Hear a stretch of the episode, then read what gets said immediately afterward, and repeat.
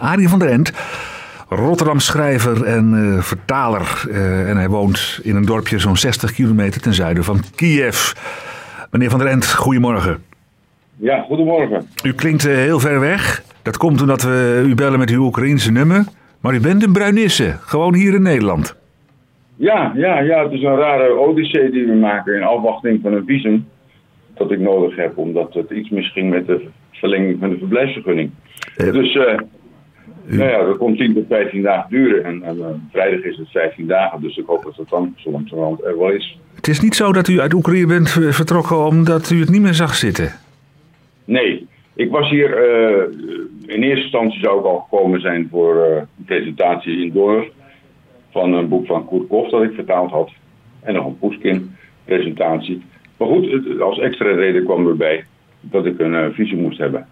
En daarom, ja, duurt het nu wat langer dan gedacht. Dus ondanks dat u al jaren in Oekraïne woont, moet u toch iedere keer weer een visum aanvragen. Nee, nee, nee, maar ik had een verkeersboete opgelopen die aan het juiste adres was gestuurd enzovoort. Oh, En toen werd de verlenging afgewezen. Nou ja, en beter dan daar te- tegenin het geweer te komen, kun je eh, dat visum dan maar gaan halen. Ja, goed, eh, de ambassade neemt helemaal niet op. Dus we moeten even kijken hoe het afloopt. eh, want wanneer hoopt u weer terug te gaan? Als alles een beetje mee zit? Nou, kijk, we zitten hier nu, we hebben betaald tot en met vrijdag.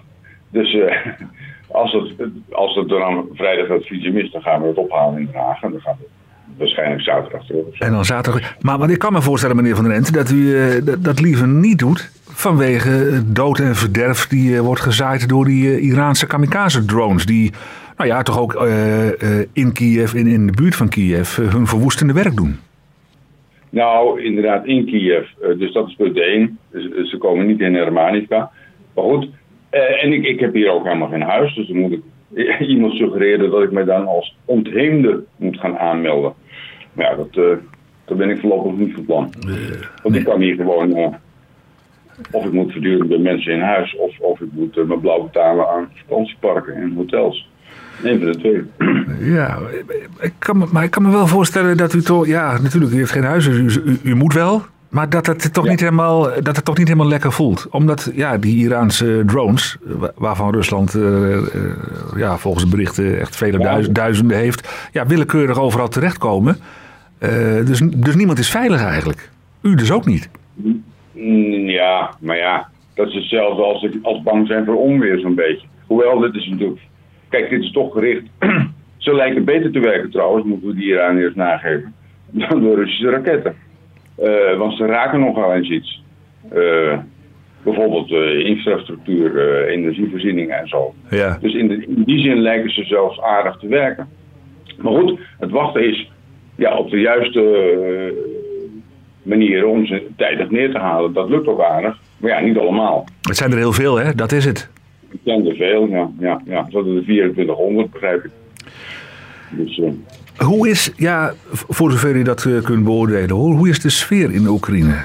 Het is natuurlijk wel zo dat ook aan de Oekraïnse kant heel veel slachtoffers vallen. Maar aan de andere kant horen wij toch ook die succesverhalen eh, die Oekraïne nou ja, bereikt op het militaire slagveld. In het oosten, een beetje in het zuiden. Ja, ja, ja. ja. Nou ja, het, het, het gaat niet zo hard meer als het toen in dat ene weekend ging. Toen ze het front ver van Kharkiv opschoven in september. Eh, maar ja, nu, eh, het, ja, het Russische leger eh, speelt niets klaar. En nu spelen inderdaad de kwestie van die drones. Maar ja, zo kan er natuurlijk iedere keer een nieuwe uitdaging zijn. Ja. Ja, de stemming, de stemming. nou, dat, ik weet van mevrouw dat iedereen het voorlopig goed maakt. Maar ja, dat heeft iedereen moet de, de schouwkeel erin enzovoort. En dat, eh, ik weet nog wel dat ik in augustus in, in, Kiev was en daar ging ook af en toe het luchtalarm af. Maar dan gaf niemand daar gehoor aan. Maar dat is nu natuurlijk anders. Want inderdaad, als je in Kiev woont bijvoorbeeld, dan kan hij natuurlijk overal vallen. Dus ook, ja, ook bovenop jou dus ja. Daar is de situatie toch inderdaad anders dan bij u in het dorpje. Ja, tot slot, eh, meneer Van der End. Iedereen heeft het over die hele strenge Oekraïnse winter.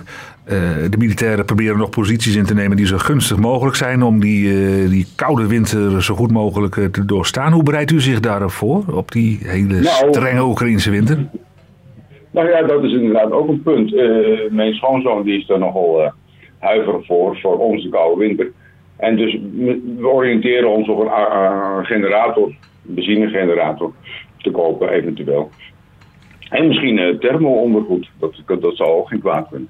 Maar aan de andere kant denk ik dan, ja, als onze buurvrouw van in de 80, die zullen het zwaarder hebben dan ik, ik kan altijd toch nog weg. Al is het maar naar, met de auto naar Krakau en dan naar de Canarische eilanden. Hmm. Ja, tot natuurlijk de bodem van de schatkist in zicht is. Maar kijk, wij zijn altijd in een, in een bevoorrechte positie. Zelfs, uh, nou, zeker ook in Oekraïne. Dus ik maak me ja, wat dat betreft niet eens zo zorgen. Dat is, wel, dat is wel een geruststellende gedachte. Want nog even voor de luisteraar. Hoe koud, hoe hard kan het vriezen tijdens zo'n Oekraïnse nou, winter? Ja, nou de laatste jaren is het ook helemaal niet zo verschrikkelijk. Ik weet de eerste, de eerste keer dat ik weer terugkwam in 2015. Toen was het meteen, eh, viel ik midden in de min 20. Ah. En een halve meter sneeuw. Maar daarna is het toch minder, ja, min 15 wordt het altijd wel een keer. Uh, het is gemiddeld uh, graad of 10 kouder in Nederland. Maar toch ook weer niet lang niet alles. Wat de laatste oud en nieuw was. Zonder sneeuw bijvoorbeeld. Mm Vroeger een onmogelijke gedachte. Maar het schuift dus in Oekraïne ook op het weer. Naar minder koud. Dus uh, een beetje geluk hebben misschien. Nou, ik, uh, laten we het hopen. Ook voor u. Uh, en ook voor, ja. ook voor de militairen. Nou, veel succes met het regelen van het visum, meneer Van der Ent. En nou ja, een, goede reis terug. En dan spreek, spreken we elkaar weer als ja. u weer in Oekraïne bent. Dank u wel. Dank u wel.